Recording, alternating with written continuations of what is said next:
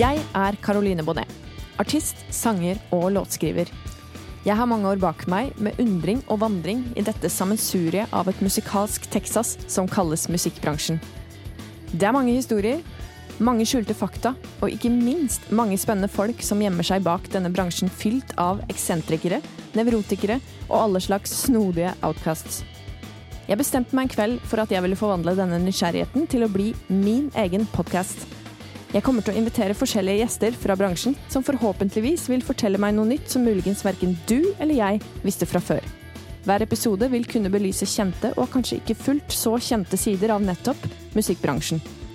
Dette er hashtag bransjen.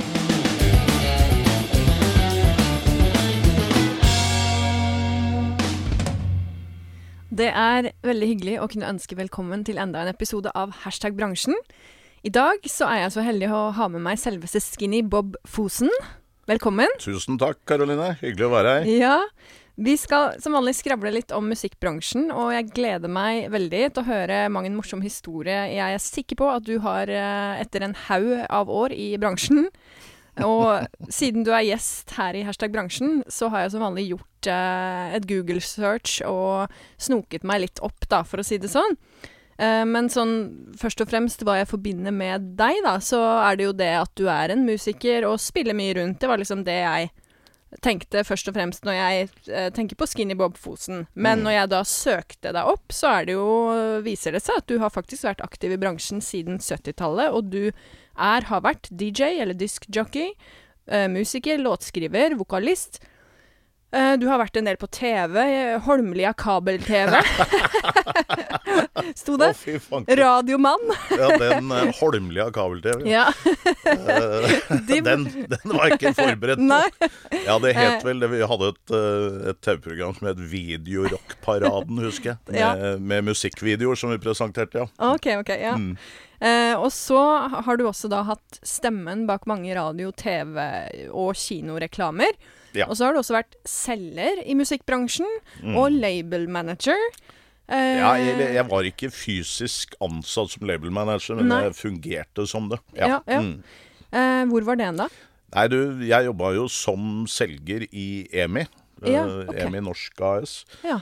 Og så hadde vi distribusjon for noe som heter Mega Records, og Mm. Der var det en som het Torbjørn, som var sjef for det, og han eh, Ja, det var vel det at han eh, i og med at han var alene, mer eller mindre Jeg lurer på også om ikke Finn Bjelke nevnte at han hadde vært innom der og okay. jobba. Men i hvert fall ingen av de to gutta var eh, De trengte sikkert noen til å fly rundt og drikke litt med artistene, for det ga de kanskje ikke sjøl. Så, så sånn sett ble jeg litt label manager. Ja. Og så har du da de siste årene eh, drevet med en del andre ting ved siden av musikk og videoproduksjon. Og arrangementer, eventer etc. Så du kaller deg sjøl en potet, og det tror jeg på. Ut Ja, alt ja. det du har vært borti, og alt det du gjør. Ja da, Ja. jeg er nok en, en veldig typisk potet, ja. Mm. Og du er jo nå aktuell med et uh, radioshow på ordentlig radio uh, som heter Fosen på fredag, stemmer det? ja. Og der inviterer du artistkolleger og plukker ut musikk som du mener bør bli spilt på radio, eh, kontra alt det som blir spilt om og om, og om igjen på disse her kjente kanalene, de Ja. største. Der Ja. må jeg legge til at eh, nå fikk jeg, fikk jeg en tilbakemelding fra hun jeg bor sammen med. Ja. Og sier at Dag, eh, nå måtte du slutte å prate så mye om det selv. Så sier jeg ja, men det er jo derfor programmet heter Fosen på fredag. ja, ja. Og så var det Nei da, en liten fleip, men så, så har vi lagd en liten gimmick på det. Så Harald Tune, Mm. han eh, hadde jeg nå forrige fredag. Og, og han skrev vel noe sånt som at uh, Hva var det han skrev for noe? At uh, jeg er så heldig å være gjest hos eh, Fosen på fredag. Eh, programmet der eh, artistene, eller gjestene, er fyllkalk. Og, ja. så det er veldig, veldig sånn løs greie. Og nå kommer etter hvert Ole Evenrud, eller tidligere Ole Idole, kommer jo på, okay. på programmet. Og han Nettopp. Innleder vel eh, Jeg tror faktisk han overtar eh, hele innledninga av mitt eget program, hvor han sier det at eh, Ja, det var Dag Fossen, og han er den i Ja. platebransjen, eller i bransjen, med det største egoet i musikkbransjen gjennom tidene. Oi. Og det har han vel kanskje rett i? Nei, tror du det? Nei, jeg nevnte vel Det det, at eh, jeg, Jo, jo da, jeg sa vel noe Jeg tror jeg sa noe sånn som at Ole, det har du helt rett i, men nå er jeg tross alt en mye større popstjerne enn du noen gang har vært og noen gang kommer til å bli. Ikke sant? Ja. I mitt hode. ja. Nei, så, det, så det går jo veldig mye på fleip, da. Nei, men det er viktig. Ja, ja. Viktig. Det er eh, verdt å sjekke ut det programmet, folkens. Det er eh, Ordentlig radio er jo en kanal som ble oppretta på Når var det, hjelp meg? Hvilket Det var årstall? i du, Jeg tror det var 2012 at uh, Tor Andersen, som Ja. da Han er en programlederlegende. Mm, absolutt. Uh, og Øystein Sunde. Og de satt vel og drodla litt og tenkte at de mente at det var altfor lite norsk musikk på Mm, radio. Eh, og den gangen så var det jo faktisk en, et konsesjonskrav at Mm. man skulle spille minimum 35% norsk musikk. ja. Eh, det var for i det hele tatt få eh, Hva heter det kommersiell eh, konsesjon til å drive radio. Så okay. P4, alle disse her gamle, var pålagt å spille 35 norsk. ja. Eh, og det var de så lenge FM eksisterte. Men Nettopp. så var det noen som på en måte jeg vil si fikk fjerna FM, for det var jo egentlig det som skjedde. FM blei borte, så var det Ja. Noe, kom DAB, og det var jo veldig, veldig Ja. Veldig mye motstand mot det, men Mm. allikevel så kom det. Og når det kom, så ble også konsesjonskravet om å spille norsk musikk borte. ja vel. Det er ikke alt som vet. Det er ganske Det er jo drøyt. spesielt. Ja. Og veldig drøyt. Ja. Og da, men lenge før det så satt jo Tor Andersen og Øystein Sunde og drodla og fant ut at vi det er for lite norsk musikk som blir spilt på radio. Hva skal vi gjøre med det? Jo, vi bare starter en radiokanal, og det gjorde de i 2012. Ikke sant? Og det er jo for de fleste norske artister så er det jo veldig stas å bli spilt der og ikke sant, få, Ja litt, uh, få litt oppmerksomhet rundt en utgivelse, da. Ja. Så det er jo uh, mye bra de gjør, egentlig, for norsk Ja, musikkbransje, de- tenker jeg. De gjør noe for norsk, norske musikere 24 timer i døgnet, 365 dager i året. For Mm. Det er, altså, det er norsk, norske artister, da. Vi sier på alle språk. Ja. Uh, og det er 24 timer i døgnet. Mm. Kult, altså. Men jeg pleier jo alltid å spørre når jeg har en ny gjest her i hashtag bransjen, Mm. hva tenker du når du hører hashtag bransjen? Nei, det første jeg tenker, det er jo at bransjen, det var jo et uttrykk allerede jeg, Du sa at jeg begynte på 70-tallet. Jeg må bare legge til at det var helt på slutten av 70-tallet, så Mm. Folk ikke skal tro jeg er en olding. Selv om jeg begynner å bli det òg. Men, eh, men allerede på slutten av 70-tallet så var jo bransjen, og, og kanskje også et stykke inn på 80-tallet, så var det liksom For meg, det Mm. var platebransjen. OK. Og så etter hvert eh, så, så vet jeg at dere har vært inne hos Smuget her på programmet. og Smuget, det Der ble det jo bransjekvelder, da. eh, Hvor musikerne møttes. Og det ble jo Og det har jo sikkert vært gjennom tidene.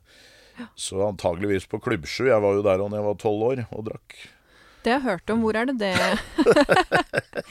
Hvor er det det lå? Var det Klubb- Oslo? Klubbsju, det lå i Vika. Og okay. det ligger Eller lå der hvor rø, Hva heter det? Røverstaden? Ja, ligger i dag. Så det blir liksom okay. på undersiden av konserthuset, blir det vel. Ja, ikke Under sant. Det konserthuset, på en måte. Mm. Så det var uh, tider. Det var, Ja. det var den gangen at eh, jeg hadde en onkel da, og Mm. tante som var eh, veldig musikerinteressert. Og jeg hadde en onkel som var veldig eh, ja, glad i å gå på konserter. Mm. Eh, og han skulle da ja, prøvde å få med en kompis som er inne på Bajasso i Bygda Allé 5. Da, dette var vel i 76, kanskje. Ja. Elleve år var jeg. Og ble jo nekta der. Mm. For der mente jo de som sto i døra at nei, nei, du skal ikke ha med deg de guttunga der inn her. Mm. Men så kom vi på Klubbsju, og der var jo onkelen min uh, antageligvis godt kjent. Så han Ja. eh, 'Å ja, kom igjen, Arne. Ta med deg gutta inn. Sett dere ned og kos dere'. ja.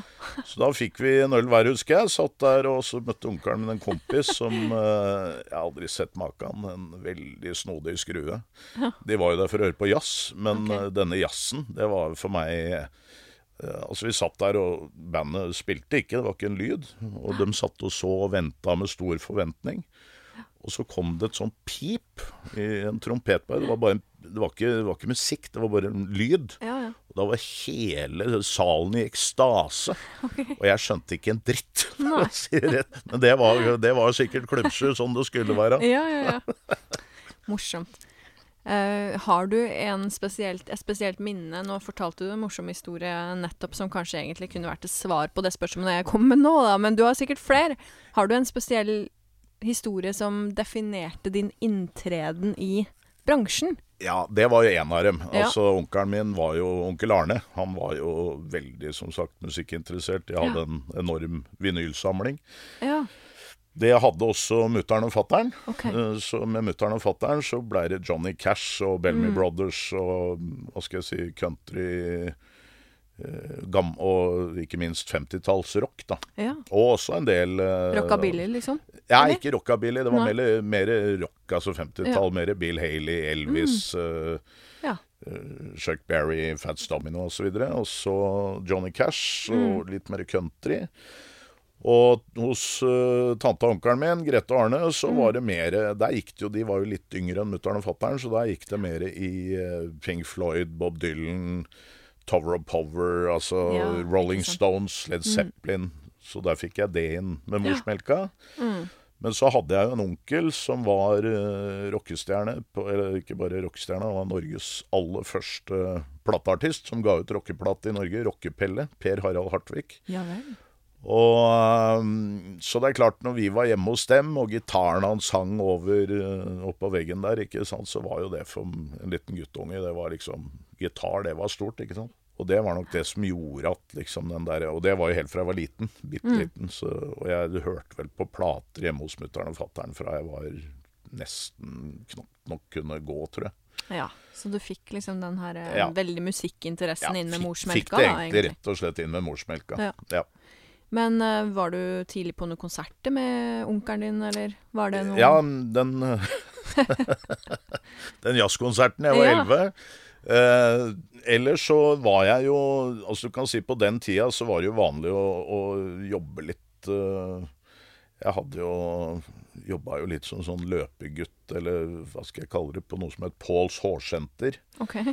Da var jeg også veldig ung. Eh, Ja. Tipper det var 77-78 at jeg blei sniket med av de gutta inn på Ridderhallen. Okay. Og der var jeg i hvert fall ikke Der skulle jeg jo egentlig ikke ha vært, sikkert. Men jeg var Mm. nå der. Og der, ja. og der nede, på Pauls Hårsenter, der blei jeg jo kjent med Eller kjent med, jeg var jo løpegutt. Så de gutta kom jo ikke for å hilse på meg. De var jo der for å Mm. bli eh, få hårmakeover av Paul, som var da tidligere kjent Adam og Eva-frisør. Nettopp. Så Og der var jo Frank Aleksandersen og Paul. Dem drev jo på. Mm. Og så var det jo masse artister innom. Det var Marius Miller, som da spilte i Salt og Pepper-band. Ja. Eh, Lage Fossheim. Dette var før han blei vokalist offisielt. Da var han roadie. Mm. Eh, fløy og bar eh, instrumentene til gutta i Broadway News. Okay. Da var Mikkel Magnus vokalist i Broadway News, men så slutta han og gikk solo. Ja. Og så akkurat på den tida så blei også Lage eh, vokalist i Broadway News. Ja. Dette må ha vært i Er det mulig jeg tar feil, helt feil av årstall, men jeg tror det må ha vært i 78-79 eller noe sånt. Ja. Det var For en fall- tid å vokse opp, da. Ja, ja, helt fantastisk. Jeg fikk lapp Kjenner jeg blir litt sånn misunnelig. Ja, ja jeg, jeg husker jeg fikk, eh, jeg liksom fikk jo var, lapp fikk av Pål. Ja. Uh, Dag, først så stikker du bort på Jeg husker ikke, tror jeg het Grytelokket jeg borte i Storgata. Kjøpt noen hamburgere. Mm. Og der traff jeg Moff Olger. Okay. Det var en eh, fyr som gikk på morfin den tida. Det var mye morfin i Storgata på den tida. Ja. Og han blei kjent med og ble kjent med mange av disse. Og så var det Mm. liksom Dag, stikk ned på polet og kjøp noe rødvin. Okay. Da var det bare å ta med lapp fra Pål. Du skal ha Ja. så mye rødvin, så henta jeg det, og så var det inn igjen. Og, Ja. Så var det veldig mye artister og musikere hos Pauls Center da, på den tida. Ja. Så det var gøy. Ikke sant. Men når er det du starta å spille sjøl, da? Altså, når, Mm. Nei, det når var var- det du sto det på scene for første gang, for Det, det var jo på den tida der, da eh, Det var akkurat på den tida der jeg var vel 14 år, tror jeg. Ja. Og, og litt i forkant av det så Ja. hadde en kompis av en kompis eh, et diskoanlegg hjemme. Hvor han okay. sto og miksa. Og jeg, jeg trodde jo jøss, hva er dette for noe? Radio Luxembourg. Jeg var jo kjempefan av Radio Luxembourg. Og så plutselig får jeg vite av han kompisen min Nei, det er BM. Andreas het han kompisen. Det er BM som sitter hjemme og lager dette sjøl. Altså mixtapes, på en måte, da, som Ja. det sikkert heter i dag. Hvor han også prata. Så det begynte der. Og så var det en kompis av fattern som var diskjockey, og som sier det at ja, kanskje du Kanskje du har lyst til å begynne å spille ute, og da traff jeg en kamerat av han igjen, som var Jannik eh, Jessen. Som drev Janniks Artist Promotion. Og da tilbake på Ridderhallen. Det var ja. dishjockey-kurs, da. Ok, Ridderhallen var det Hvordan type sted var var, det? liksom? var Norges mest kjente eh, sted, tror jeg, når det gjelder Altså, det var, mus det var jo masse liveband okay. hver, hver eneste helg. Ja, nettopp. Og Et utested, med konsertscener, konsertscene, rett og ja. I Torgata 5, seinere Ja. kjent som Stedet. okay. hvor jeg også jobba. Ja. Hm. Og stedet det, Der jobba jeg fram til jeg slutta en periode og kom tilbake igjen. Mm. Det må ha vært rundt 1990. Da hadde du en som het uh, Petter og en som het Knut, som da hadde drevet rockebaren på stedet. De Hm. skulle starte for seg sjøl litt lenger bort i ja, eh, noe som het Elm Street. da. Mm. Så de gikk ut av stedet og danna Elm Street, og da tok jeg over rockebaren på stedet. Ja. Så, så Ridderhallen stedet, der har jeg liksom vokst opp, på en måte. Mm. For du er Oslo-gutt? Eller? Oslo-gutt, ja. Ja. ja. Haugerud. Ja. Jeg har sånn inntrykk av at det er ikke så mange i Oslo som er fra Oslo. Men du er en av de som faktisk er fra Ja, nei, når jeg var liten, så var alle fra Oslo. Fra Ja. Oslo. Men Ja. nå er det jo blitt en um, slags liten metropol, kan du si. Det er, Ja. jo, det er jo blitt uh, masse folk som har flytta inn her gjennom tidene. Så det er Mm. klart at i musikkmiljøet så er det jo ikke Det er jo like vanlig å treffe en fra Sørlandet og Mm. Nord-Norge som det er å treffe en fra Oslo, liksom. Absolutt. Men har du en eller annen sånn hashtag bransjen-historien som du aldri glemmer, da? Hvor Ja. du tenkte bare Å, Ja. hva er det her for Én noe? liksom? historie som jeg husker veldig godt. Jeg har mange, egentlig, men, Mm. men det er én historie som jeg husker godt. Da jobba jeg i EMI. eh, Mm. Og var sammen med kjæresten min, Wenche, på den tiden, som eh, hun og jeg skulle til London. Og det var vel, da var vi superforelska og skulle på kjærestetur til London. Ja. Uh, og gleda oss til det, og kommer til London. Mm. Og så skulle hun vise meg et sted som het Empire. Det var et diskotek. Okay. Uh, og det lå vel i annen etasjen oppe ved Empire Theater, som var et svært uh, svær kino på Leicester Square, som ligger liksom midt. Og Hippodrome, som lå rett ved siden av. Mm. Så skulle vi vel bare gå og tusle der, tror jeg. Så ser vi bare at det er det Den folkemassen rundt, uh, som sto rundt dette Empire Theater. Ja. Og der sto det jo Back to the Future. Da, da var det premiere på Back to the Future i London. ja. Uh, med, jeg husker ikke hvilke Ja, samme. Men eh, og, et, og akkurat når vi kom dit, så var denne filmen antageligvis akkurat ferdigvist. Så det lina seg opp med limousiner på limousiner på limousiner.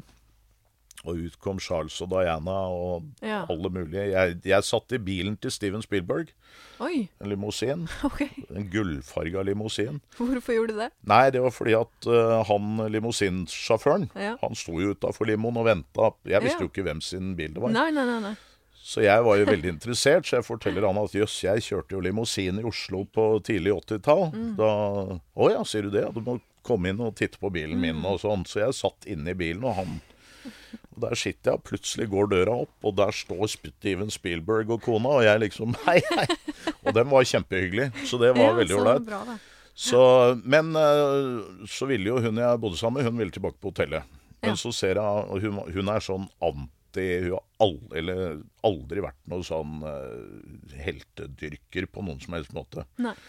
Så om du var eh, Mick Jagger eller om du var Petter, det spilte ingen rolle. Hun, Nei. det dreit hun i. Ja.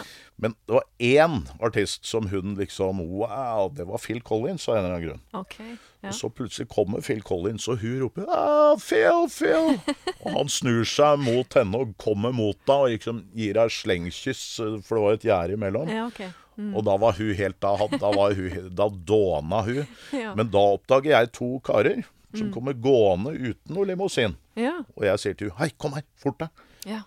Så vi liksom Jeg må, jeg må være ærlig og si jeg stalka dem, altså, på Ja, ja. motsatt side av gata. Og det var Robert Taylor Nei, eh, Roger Taylor og Brian May Ja. med Oi. damer fra Queen.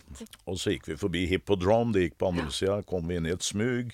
Mm. Og så jeg kom, Så jeg tenkte det må jo komme over gata snart, og det gjorde de. Ja. Og da sier jeg hei, hei, det er Dag fra EMI her. oh, yeah, cool! Ja, nå må dere komme til Norge og spille snart. Og da var samtalen i gang, Ja. og de gutta var dritålreit. Altså Ja. Mm. akkurat helt laidback, som du og jeg prater nå. Og ja, hva skal dere nå? Nei, jo, vi skal på hotellet, sier Wenche. Hotellet, sier jeg. La oss høre hva gutta Ja. Nei, bli med oss på, på party. De skulle på party Okay. på Stringfellows. Der var det afterparty etter dette Back to the Future. Mm. Men Wenche sa nei. Vi er her for å være på kjærlighetstur. Vi skal ikke på noe party på Stringfellows. Og jeg blei jo med, for jeg var jo lydig som ei bikkje. Å nei! Og forelska som pokker, ikke sant. Og dro hjem. Og så kommer vi dagen etterpå, så så vi avisen. Det hadde det vært det afterparty på Stringfellows Mm. med Charles, Diana, Steven Spielberg, alle de jeg nevnte. Og så sier jeg, Wenche, se her, Ja. Phil Collins var på det partyet. Da Ja. skjønte at vi hadde gjort en tabbe. Åh, er det mulig, Så- liksom? Det er sånn største party pooper Ja, ja, ja, ever, da. Men det som er litt kult, da, det som er litt av moralen i historien, det er jo at de alle Jeg har møtt fryktelig mye forskjellige artister fra de A til Å, men det jeg har lagt merke til veldig ofte, de store, store stjernene, Mm. de etablerte, også her i Norge, som regel superhyggelige, Mm. jordnære folk, altså. Så det syns jeg er hyggelig. Ja. Ja, det er jo virkelig morsomt uh, at du nesten var på fest med de, men så bare Nei, det skal vi ikke. Det blir litt som eh, Det er ikke, det er ikke noe som heter annenplass. Enten så har du, har du vunnet, eller så, eller så har du ikke vunnet. Uff. Hva er det du tror folk misforstår mest med musikkbransjen, Dag? Nei, det jeg tror, det er to ting, egentlig. Det ene er jo at uh, jeg tror folk eh, har en veldig rar oppfatning. Altså, jeg har både som dishjockey og musiker opplevd liksom at ja, men herregud, kan ikke du bare Det tar deg jo et kvarter, liksom, å Mm. komme hit og ta med gitaren, eller ta med deg noen plater og Ja, spille. ja, ja. Så sier jeg det er ikke så enkelt, fordi Nei. for eksempel når jeg jobba som dishjockey, så var det jo Mm. LP-plater og singler du skulle Mm. det, du skulle ta det med, du skulle ha med et anlegg. Mm. Det, det var liksom en full dags jobb. Og så kommer du dit du skal spille på kvelden. Ok, så spiller du noen timer, og så er du ferdig. Så det er jo det publikum ser. Mm. Og dagen etterpå så har du en dag med sjauing. Og det samme Ja. Mm. gjelder jo når du som musiker reiser rundt. ikke sant? Du, du bruker, du øver, sånn som nå skal vi ha konsert uh, i Oslo. Ja. Og vi har jo øvd og øvd og øvd, og, men når vi spiller, så er det to sett, ikke sant? Og så Mm. Ja. tenker folk jøss. Mm. Eh, Så jeg tror folk ikke skjønner hvor mye jobb det ligger bak. Det er det ene. Og så Mm. tror jeg veldig mange folk tror at eh, bransjen det er rock'n'roll og fest og moro Ja. hele tida. Noe Ja. det ikke er. Ja. Det er uh, Kan være, selvfølgelig, men hard jobbing for de aller, aller fleste. ja. Ja, Det er jo absolutt det. Er det noe, er det noe du ville sagt til uh, 20 år gamle Eller nå må du bli 15 år gamle, da, siden du var så ung når du starta? Ja, for jeg, jeg noe ja, du ville sagt til deg sjøl som 20 du ville gjort gamle- annerledes? 20 år gamle Dag, jeg kan jo referere ham, da. For han Ja. ble jo intervjua av Atle Nilsen, Ja, som den gangen jobba i et ukeblad som het Det Nye. det husker jeg. Ja. Ja. Og de hadde en spalte, eh, jeg husker ikke helt hva det var, men i hvert fall en helside i det nye, Mm. eh, hvor jeg møter opp uh, Tor Kvello, faktisk, som fotograf, kjent Se og Hør-fotograf, Ja. og Atle Nilsen, som er eh, sønn av eh, sin far, kjent eh, Mm. Ja. Og hva var det han sa for noe? Jo, så kom han dit og skulle intervjue meg og hadde med Tor Kvello på slep som fotograf, for den gangen var det jo vanlig med fotograf og journalist. Mm. Og da hadde de et helsides oppslag med Dag diskjockey, 20 år. Ja. Og jeg husker jeg sa, eller, eller fra det, det nye, så husker jeg skrev det at eh, Eller de skrev at Dag er 20 år og jobber på Casablanca i Oslo. Jobba for en som heter Kjaperud, fra gamle Titanic. ja. Og eh, hva var det jeg sa for noe? Jo, styr unna alkohol og dop, liksom. Mm. Eh, dop styrte jeg unna. Alkohol har ikke vært like flink til å styre unna. Nei. Så det har vært eh, et par episoder der som ja, For øvrig en bransjehistorie, det også, som er ganske drøy. Ja, bring it on. Ja, ok. ja. Nei, jeg er vel eh, Nå er jeg spent. Ja. Eh, Det var en, eh, en episode faktisk hvor vi skulle spille for et ganske stort publikum. Eh, tipper det var rundt 1000 mennesker. Og med bandet mitt, da, Fosen and Friends. Ja. Og den kvelden var jeg ganske Eller ettermiddag, var det, så var jeg ganske Ja, feststemt. Ja. Og så kom vi dit, så fikk vi da backstage. Ikke sant? Står et kjøleskap fullt av øl, og bare drikkgutter. Og jeg forsynte meg jo, jeg. Mens de andre gutta i bandet Ja, nei, vi drikker ikke på spillejobb. Og jeg Fuck you, altså. Det er jo Herregud. Du skal jo ha det litt moro. Du Ja, kan ikke ja, ja. bare ha det gøy. Du må ha litt moro òg. Så jeg eh, det, det, det det ender med, det er at det blir en del av de ølene backstage der. Ja. eh, Før vi kom på scenen. Og når vi kom på scenen, Ja. Så, så blir det veldig mange som kommer bort med drinker. OK. Og Sånn vær så god, drikk Her, det her, liksom. her kan dere få Ja. noe å drikke på, liksom. Ja. Og jeg setter jo det opp på Hammond B3-en til Roar Kvernsveen, som spilte Hammond i, i Foster and Friends. Ja. Og så sier jeg til gutta hei, kom igjen, ta Forsyn dere. Nei, nei, nei, helt uaktuelt. Ja. Så det ender jo opp med at jeg Veldig drikker jo streite band. Ja, de folk. var veldig ordentlige, og det burde jeg ha vært òg, for Ja. å si det sånn. Men akkurat den dagen var jeg ikke så veldig ordentlig. Nei, nei. litt for uh, lyst til å ta meg en Ja. fest, og drakk jo da, tror jeg, alle de Ja, greiene. OK. Og det ender jo i katastrofe Ja. med at jeg står og tar fram en del altfor velvalgte ord til bruk for dette publikummet, okay. som var så drøyt Ja. at jeg ble vel svartelista Dette var i Lillestrøm. Jeg ble vel svartelista ikke bare på nedre Romerike, men også på øvre Romerike. Og dette, var, dette er sikkert ti år siden. Ja. Og, og jeg er fortsatt svartlista derfra. Jeg tror aldri jeg kommer til å få en spillejobb på Romerike ever Nei, again etter den episoden. Det er, jeg skal legge til at vi hadde én episode der hvor, Mm. hvor jeg faktisk fikk en telefon fra Hilde Hatlebrekke, tidligere labelmanager i Polygram. Okay. Så sier jeg Dag, kan du og Yankee spille på en sånn reunion party? Mm. Det var et utested på Lillestrøm i gamle dager som het Sinclair. Og, Mm. Ja. det, og, hei, og Yankee var et av de faste banda som var der. Ja. Så jeg sier jo, det kan vi sikkert. Og så måtte jeg Så si Hilde, men det er ikke meg du skal prate med, så du skal, du skal prate med han og han. Og så blei det en par-tre karer jeg prata med. Og til slutt en som het Rune, som, eh, som ringer meg da og Jo, det var greit om vi kunne booke.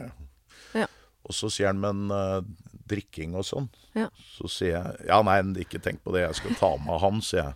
Ja. Så jeg trodde han prata om eierne av bandet, ikke meg. ja. Per Odd. Kvernsveen. Men så var det sikta til deg Ja, men jeg trodde han prata om han, så jeg sier til Rune ta det med ro, Rune. Dette har jeg full kontroll på. Jeg passer på Per Odd. Ja. Uten å ane at det var meg han egentlig snakka om. Ok. Og når vi da kommer på den spillejobben, så kommer vi ned. Vi kjører inn backline og det som er. Og så skal jeg eh, hjemom og ta meg en dusj og sier til gutta kommer jeg tilbake. Og når jeg kommer tilbake, sitter de rundt et bord med øl. Ja. Og så kommer jeg og setter meg og ja, jeg tar gjerne en øl, jeg òg.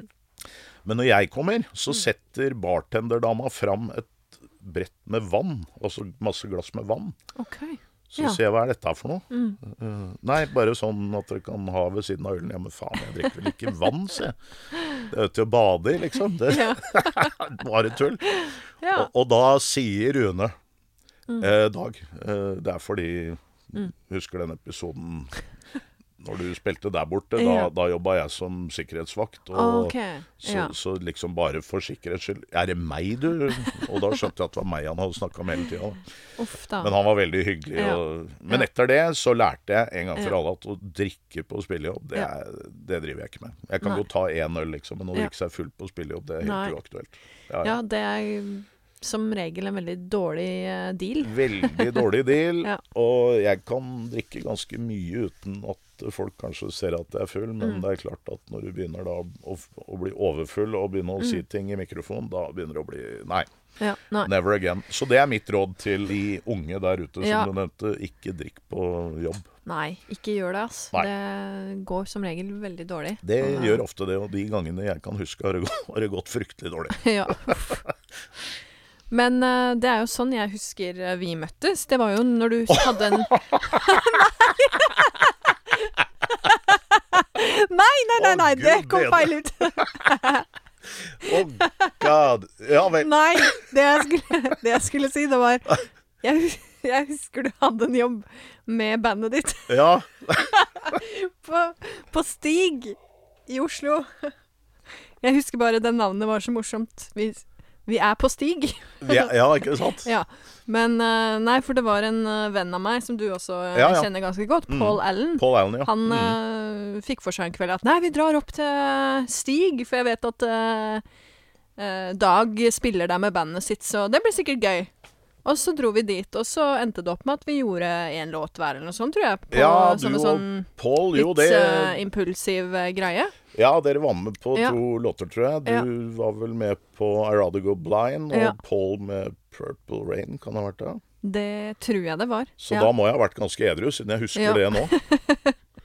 Men uh, det var veldig hyggelig Hyggelig kveld, ja. Det var vel litt sånn uh, Hva skal jeg si? Det virka som det var en sånn arrangert fest, et event eller noe sånt. Kan ja, det stemme? Ne, eh, ja, det, altså det er vel egentlig en sånn eh, De kaller det Det er noe sånn eh, fast arrangement hvor de leier inn band til Ja. å spille. Men det, det er vel ikke noe sånn arrangert utover at det er noe sånn pubkveld eller et eller annet sånn okay.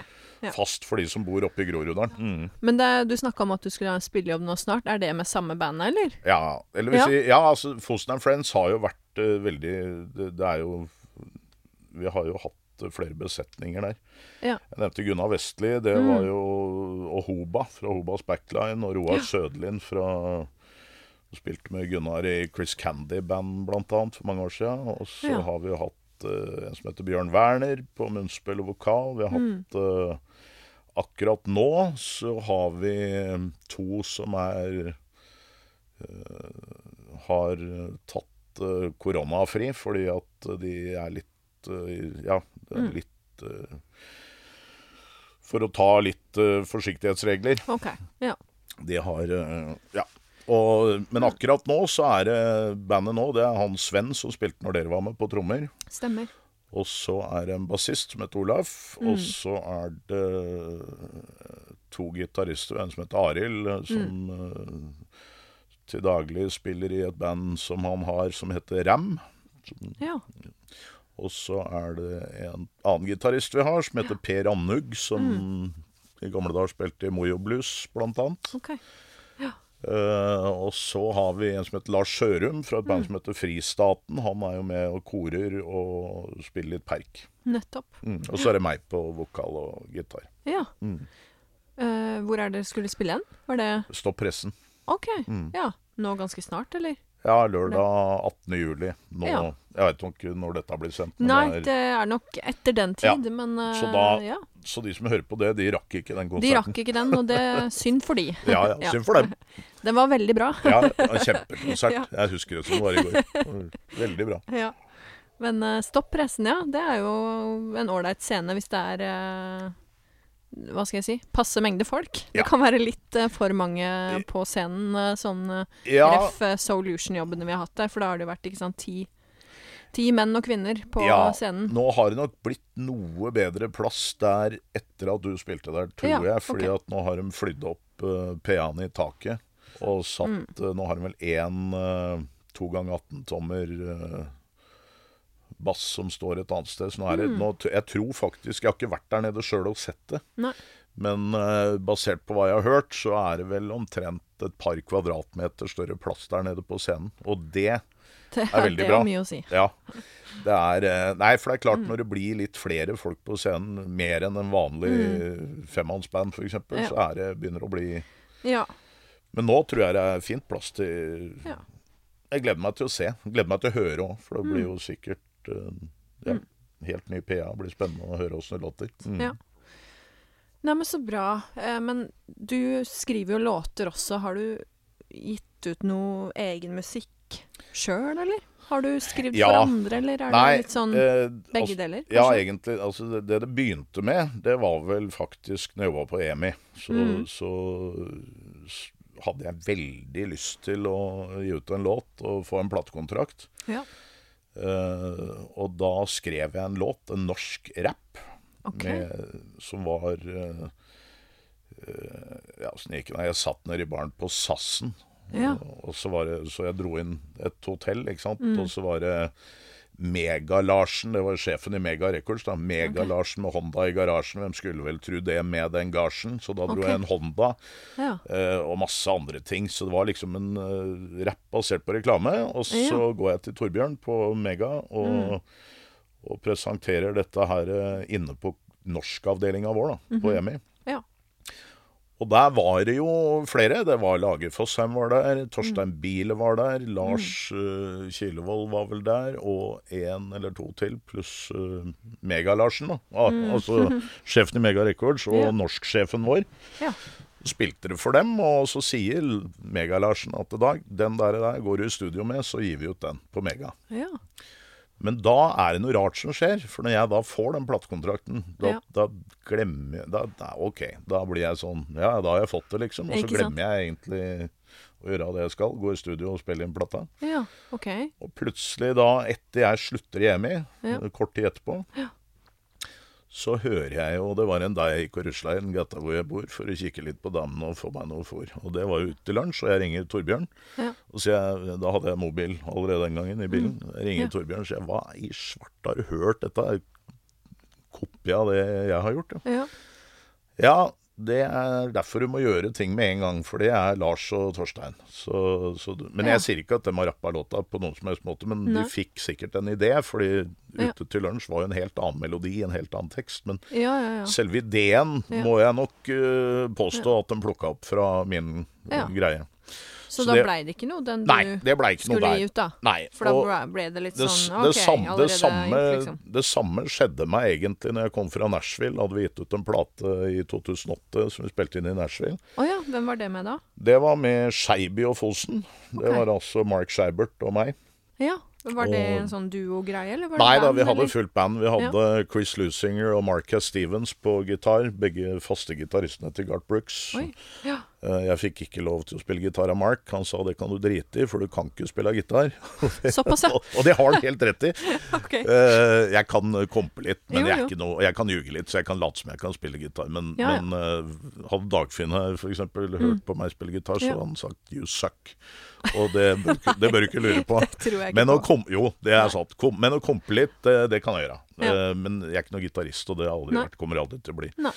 Så derfor sa Mark du lar Chris og Mark spille. Dem eh, spiller med Garth. Brooks. Du Så da holdt du henda ja. unna gitaren? Ligg unna gitaren. Jeg hadde den med, men jeg fikk ikke Nei. lov å bruke den.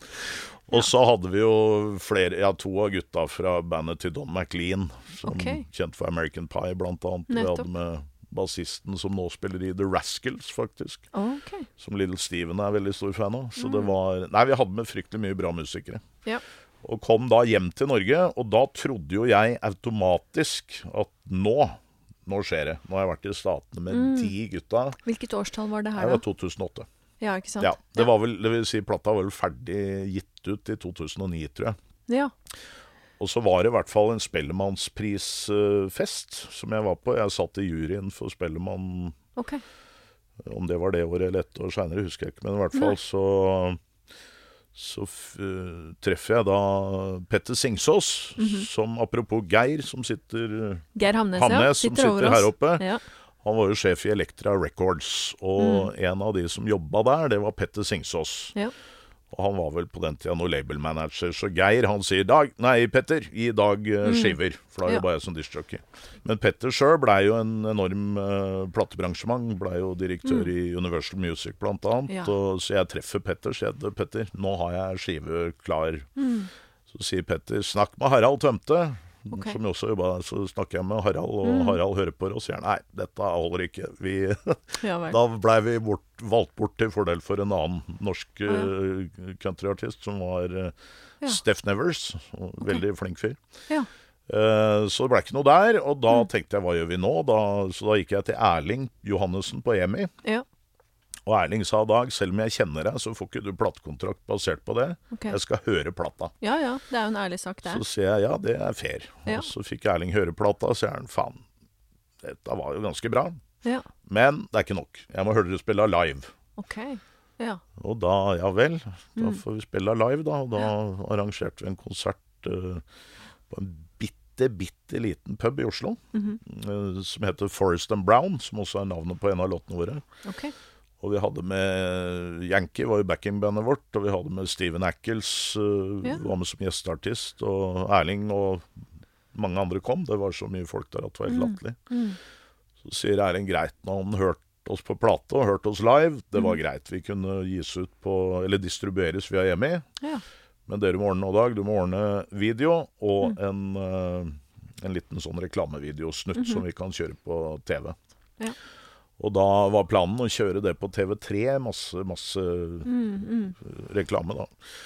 Og da fikk vi faktisk samme deal som de aller største artistene. At vi, vi fikk gratis reklame, men vi skulle da betale tilbake i form av hvor mye plate vi solgte. Mm. Det var jo ikke mange artister som hadde det på den tida. Det var jo Åge Aleksandersen og noen Ja. til. Ja, så det Så- var jo egentlig veldig bra, da. Så det var veldig bra. Men jeg mangla jo penger da til å lage musikkvideo. Og Ja. jeg mangla penger Det koster, til å eh, Det koster penger. penger. Og vi skulle også ha da denne her promovideoen til reklame, da. Og da husker jeg ringer Tom Andresen i Toms budbil. Mhm. Og forteller han greia. Mm. Og så sier jeg Tom, her kan du få Toms budbil på på platecoveret og Mm. på videoen og på TV og overalt. Ja. Og så sier Tom Ja, da kom opp på meg til kontoret. Så drar jeg opp til ham på kontoret, og så sier han nå må du, nå må du være helt eh, på felgen her når du kommer og tigger meg om 250 000 kroner. Så sier jeg ja, men det er jeg. Nå har vi gitt ut den plata, den fortjener det og det. Ja, ja. Og så sier Tom greit, du skal få 250 000 til å gjøre det. Og hva skjer da? Jo, det samme som når jeg fikk den platekontrakten med Mega. Det skjer ikke noe. Da har jeg liksom oppnådd det jeg skulle, og så ja. koker det bort i korn. Så jeg har liksom aldri vært noe flink til å ta vare på min egen karriere. Nei, fordi det som på en måte aldri skjedde, var at du pusha de som måtte pushes, kanskje, til å gjøre det de skulle i forhold til Og, så, og sånn så da, for... jeg liksom har oppnådd det, og ja, da har vi fått det til, og da Ja. det, da det liksom Da har det, da har det vært eh, målet framfor kanskje Jeg veit ikke, det er noen rare greier. En rar mekanisme. Ja, ja, ja. Jeg ikke skjønner en dritt av sjøl. Det viktigste er jo at du er stolt av det produktet, Ja, ja, ja. og at dere ikke sant, fikk gitt det ut. For det gjorde altså, dere, eller? ja da, ja, det, ble gitt ut, gjennom eh, digitalt. Nei, det ble Nei. gitt ut digitalt på et annet plateselskap okay. i USA som heter Comstock Records. Nettopp. Og den dag i dag, nå er det jo tolv, eller i hvert fall elleve år siden, jeg tror vi Mm. spilte den inn i 2008, han ble okay. vel gitt ut digitalt i 2009. Mm. Og det som har, vi har oppnådd etterpå, det er at vi har fått radiospilling i hele verden. Uh, Ja, vi får jo sånne lister ikke sant, hvor vi har Mm. blitt spilt. Og, og blitt spilt overalt. Dessverre ikke i Norge. Nei. Av samme grunn som Tor Andersen og Øystein Sunde oppdaga noen år Ja, seinere, at ja. eh, det blir spilt altfor lite norsk Mm. musikk på radio. Mm. Uh, Så vi blei faktisk spilt på én radio i Norge den Ja. gangen, i 2008 eller 2009 var det vel, og det var Radio Måløy. OK. Ja. Men ellers har vi vært ukas artist i Australia. Vi har, blitt, uh, vi har fått en honorable mention fra Billboard i USA for en av låtene som Mark skrev teksten til, og jeg skrev melodien til. ja. Så fint, da. 'Behind a Bigger Smile', ja. Det, og vi har eh, blitt spilt i BBC har spilt oss eh, i USA. Så Vi har blitt spilt egentlig over hele verden, men her hjemme er vi jo eh, egentlig litt sånn Titanic-opplegg over det. fordi at Titanic, vi, uten sammenligning for øvrig vi har ikke Gruppa solgt, Titanic, Ja, ja, vi ja. har ikke solgt millioner av platt på noen som helst måte. Nei. Men uh, samme Titanic de ble også et band som ble mye mye mer kjent utafor Norges grenser Ja. enn i Norge. Og jeg ser nå, jeg var inne på en sånn uh, greie, vi ble kåra til ukas uh, Ukas country, pop-country-låt, eller hva det var i Nashville Mm. Ja. nå for ikke så lenge siden. OK, kult. Men hva er det navnet var, sa du? Skeiby og Fosen. Skeiby og Ja. Fosen. Det er egentlig Mark Scheibert, da. OK. Men vi kalte det Skeiby, eller Men han, han er også nordmann, eller er han Eh, amerikaner? Mark eller? er født i Atlanta, og, og Erik, broren hans, er født i Washington, er det vel, hvis jeg ikke husker helt feil. Mm. Og De hadde en mor som uh, jobba Hun jobba vel Jeg tror det var Eileen Ford hun jobba med. Jobba tett med Eileen Ford. Ja. Uh, så de bodde i USA. Faren til Mark amerikansk, mm. mora var norsk. Og de flytta Ja, så tok hun med seg alle barna og flytta Mm. til Norge. Og det var jo Mark, uh, Erik uh, Hvor mange var det egentlig? Lisa, Julie altså Det var i hvert fall fire, om Mm. ikke flere, uh, som flytta hjem til Norge. Og hun okay. tøff dame, tok med Mm. de hjem. Og, men så flytta Erik tilbake igjen til, til Washington i 89, så han bor der enda. Ja, nettopp. Mm. Mens resten av familien bor her. Ja. Mm. Altså Mark og søstrene. Mm. Men du som har da hele livet omtrent i eh, musikkbransjen, hva er det du tenker har forandra seg mest, sånn når du ser i dag kontra hvordan det var når du da Nei, det er- inn i rekkene? Ja, det som har forandra seg i veldig stor grad, det var jo at før i tiden så var jo Så ble jo band betalt for å spille. Og discjocker òg, for den saks skyld. Det var- Du fikk penger for å gjøre en jobb. Ja. Uh, og husker også på 80-tallet så var det jo liksom Da var jo greia at uh, du tjente såpass mye penger da på Hvis du var en artist av en viss kaliber, så tjente du faktisk så mye penger at du kunne leve av det bare å selge plater. Den gangen fungerte jo konsertene mer som en promo for plata. Nettopp. Nå er det jo sånn at du må reise rundt og spille konserter for at folk skal kjøpe CD. Nå er det jo slutt på det òg, da, men Jo da, det begynner jo å komme kanskje lite grann igjen. Jeg vet det Ja. er en del som trykker noen CD-er nå når de gir ut ting og sånn, så det er Ja. liksom kanskje Og, litt og, og vinyl, heldigvis. Ja. Der, Det er CD jo- for meg har vært en sånn litt eh, Jeg har jo masse CD-er, det er ikke det, men Nei. for meg så har det alltid vært vinyl. Det å kunne. Ta ut innecoveret, Mm. lese hvem er med på denne, hvor er den spilt inn. Det er noe spesielt med det. Det altså. noe, og, og lukta. Lukta av Mm. vinyl og platecoveret, det, Ja. det er deilig. Ja, absolutt. Det det er jo en sånn er- egen greie ja. med det fysiske formatet der, da. Ja. Ja. Og det ser jeg kommer mer og mer tilbake. Og vi Mm. dessverre ga vår plate ut bare på vinyl og digitalt. Eh, Men jeg har en sånn liten våt drøm om at Mm. vi skal gi ut den plata på vinyl. Ja, du mente CD og digitalt?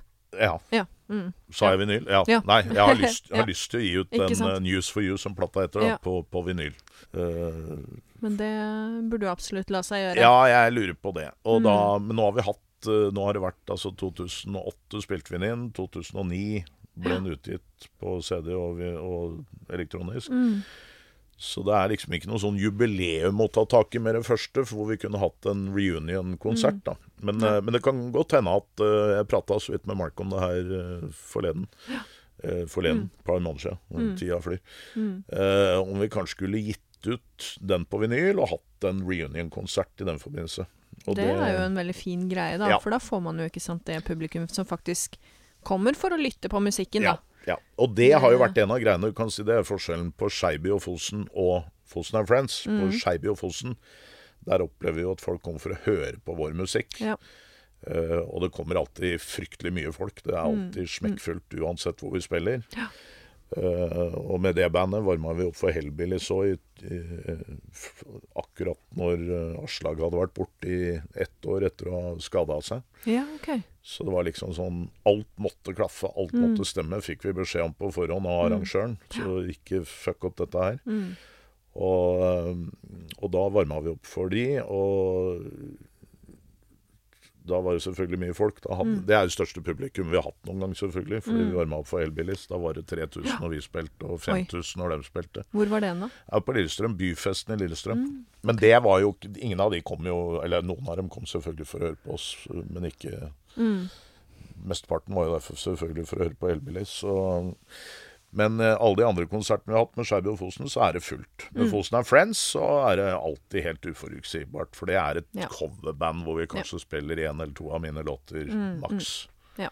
Så, Da er det jo litt den uh, publikumskaren hvor eh, man ikke helt vet hvorfor de er der. nei, nei er altså sånn, noen Er de der for å eh, catche opp med venninna for 20 år siden og drikke seg full, Ja. eller er de der for å høre musikk eller danse, eller Altså, Vi- you never know. vi, Nei da, det, det er det man ikke vet. ikke sant? Så det, men det er gøy. Det er kjempegøy. Altså, Mm. Ja. Vi gleder oss kjempemye til å spille igjen. Vi har jo ikke Mm. spilt nå på lang, lang lang tid, så det, det blir kjempemoro. Ja.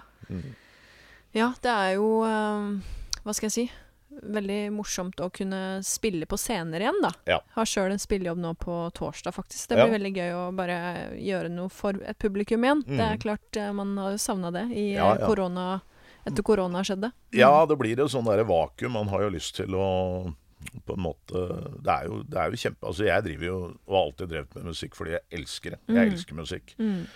Uh, jeg har nok, hvis jeg skal legge sammen pluss og minus i løpet av musikkarrieren min, Mm. til og med hvis jeg tar med alle de åra med diskjockeyjobb hvor jeg tjente fryktelig mye penger, Ja.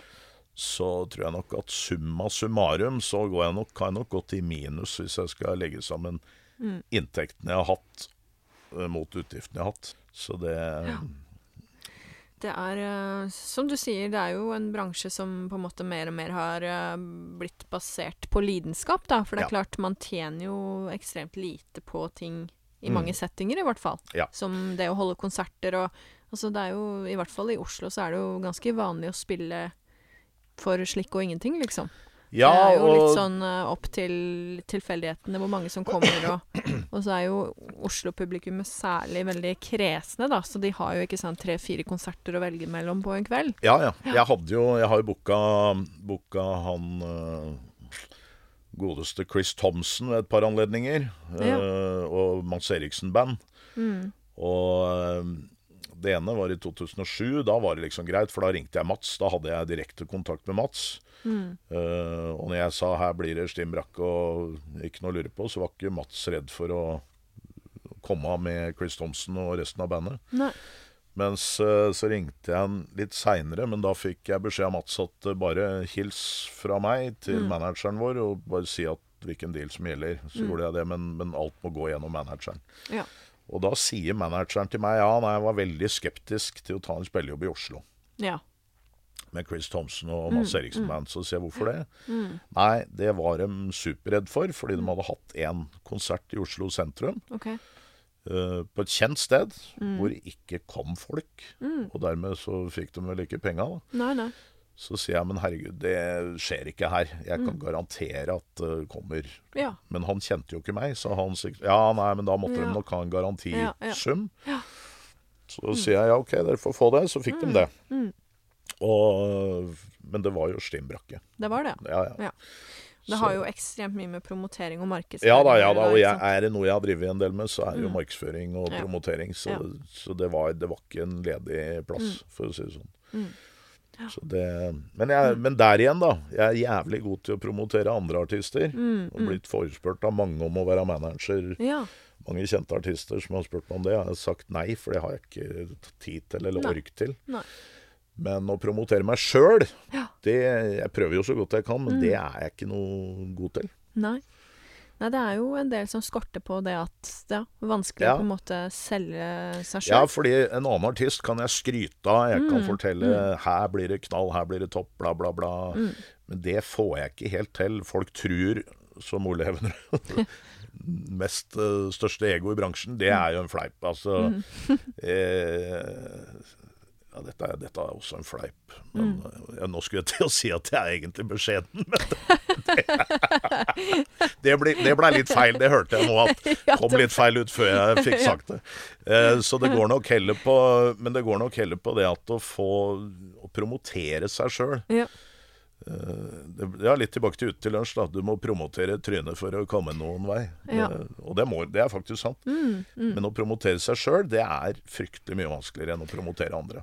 Det er eh, Så har det jo litt med den eh, innfallsvinkelen det også er, ikke sant. Hvis det er en arrangør som på en måte ser at det er en kanskje hva skal jeg si, kjent bransjeperson som selger inn et produkt, da, eller et band eller artist, så ser det jo mye mer eh, profesjonelt ut Ja. med en gang, da. Mm. Det er klart det gjør det.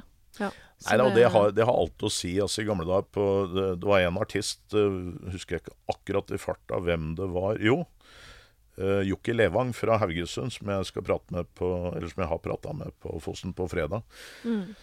Uh, spurte meg litt rundt det, og det var noe med dette med julesalg, tror jeg det var. Mm. Uh, mange lurer på og det, Hvis du kan ta mannen i gata, og sikkert fryktelig mange musikere òg som ikke har jobba profesjonelt med musikk. Da, mm. liksom julesalget. Hvorfor er det viktig å gi Altså det der med å gi ut plater på rett tid. Ja. Eh, og det er faktisk, eller var i hvert fall, hyperviktig i gamle dager, da, når du hadde dette fysiske formatet. Eh, og da var jo en av de viktigste salgsperiodene på året, det var jo julesalget. Hvis man ga ut uh, julelåt, ja. Nei. nei Ellers du, også? Nei, nei, ja, ja, ja. Okay. Ok. Eh, altså Uansett hva du ga ut. Fordi at hva kjøper folk til jul? Ja. Til julepresang? Okay. Jeg har jo kjøpt mer Mm. Muse, Altså jeg har jo stort sett alltid gitt bort musikk i julepresang. Så bra. CD, altså vinylplater. Mm. CD-plater. Så, og du kan si når det kommer Derfor er det så dritviktig at hvis Åge Aleksandersen gir ut en ny plate, da, Mm. så kan du være sikker på at det er fryktelig mange som gir bort det Mm. som julegave. Og derfor er det julesalget utrolig viktig. Ikke sant? Det er et godt poeng, Mm. men samtidig så er det litt sånn hva skal jeg si, uskreven regel, i hvert fall for artister som meg sjøl, som ikke har et veldig kjent navn, da, Mm. at man ikke gir ut i den her julemølja, for da blir det på en måte glemt bort i alle disse her Ja. juleutgivelsene til de kjente artistene Ja. som skal tjene Nei, penger du, og Ja, for du, Ja. Må jo, du må jo ha et navn. Det er klart at Ja. og, men, men det men du kan tenke deg i gamle dager, da, når du hadde platebutikker på hvert hjørne, sant? hvor Mm. det var vanlig å gå inn og kjøpe plater i vinyl og, og CD-er, og for den saks skyld litt seinere, Ja. så var det liksom det derre julesalget superduper viktig for de etablerte artistene. Mm, Men uh, helt enig med deg, litt mindre kjente artister drukner jo fort Ja, i det ja. der julesalget. Du, det var superhyggelig å ha deg her eh, og skravle med deg, eh, Dag. Ja, tusen takk for at jeg fikk komme. Det er veldig hyggelig. Og så vil jeg anbefale alle å sjekke ut eh, programmet på ordentlig radio. Fosen på fredag, var det det? Fosen på fredag, Ja. ja. Og, og det jeg tenker, det er jo at eh, hashtag bransjen, det burde jo egentlig Altså, det kalles jo en podkast. Ja. Det er jo det det heter i dag, men i gode gamle dager så ville vi kalt dette et godt radioprogram med innhold. Ja. Og det, det, det å prate litt, få liksom den der musikkpraten på radio i dag, så er det spillelister. Det høres ut som Eller ikke bare høres ut som. Det er eh, programmert. eh, Det er liksom eh, programlederen som i gamle dager var eh, eh, en stor del av programmet i like stor grad som musikken, er borte. Ja. Så da er det spillelister, så den der musikkpraten hvor man prater om musikk, om bransjen, om eh, alt dette her, det tror jeg fryktelig mange lyttere kunne hatt eh, glede av å høre på. Ja. Så håper kanskje at uh, hashtag bransjen en dag kan bli et uh, fast program på ordentlig radio. Det hadde jo vært dritkult. Ja, absolutt. For en idé. Det er jo utrolig hyggelig og ja. Ja, du får vel eh, ta det som et slags eh, kvalitetsstempel, selv om det kom fra meg. Tusen takk. Men eh, ja, tusen takk for meg, og lykke, masse lykke til med videre. Jeg gleder meg til å følge, følge Ja. hashtag bransjen. Takk, det samme. Takk for det. OK. Hei, hei. hei.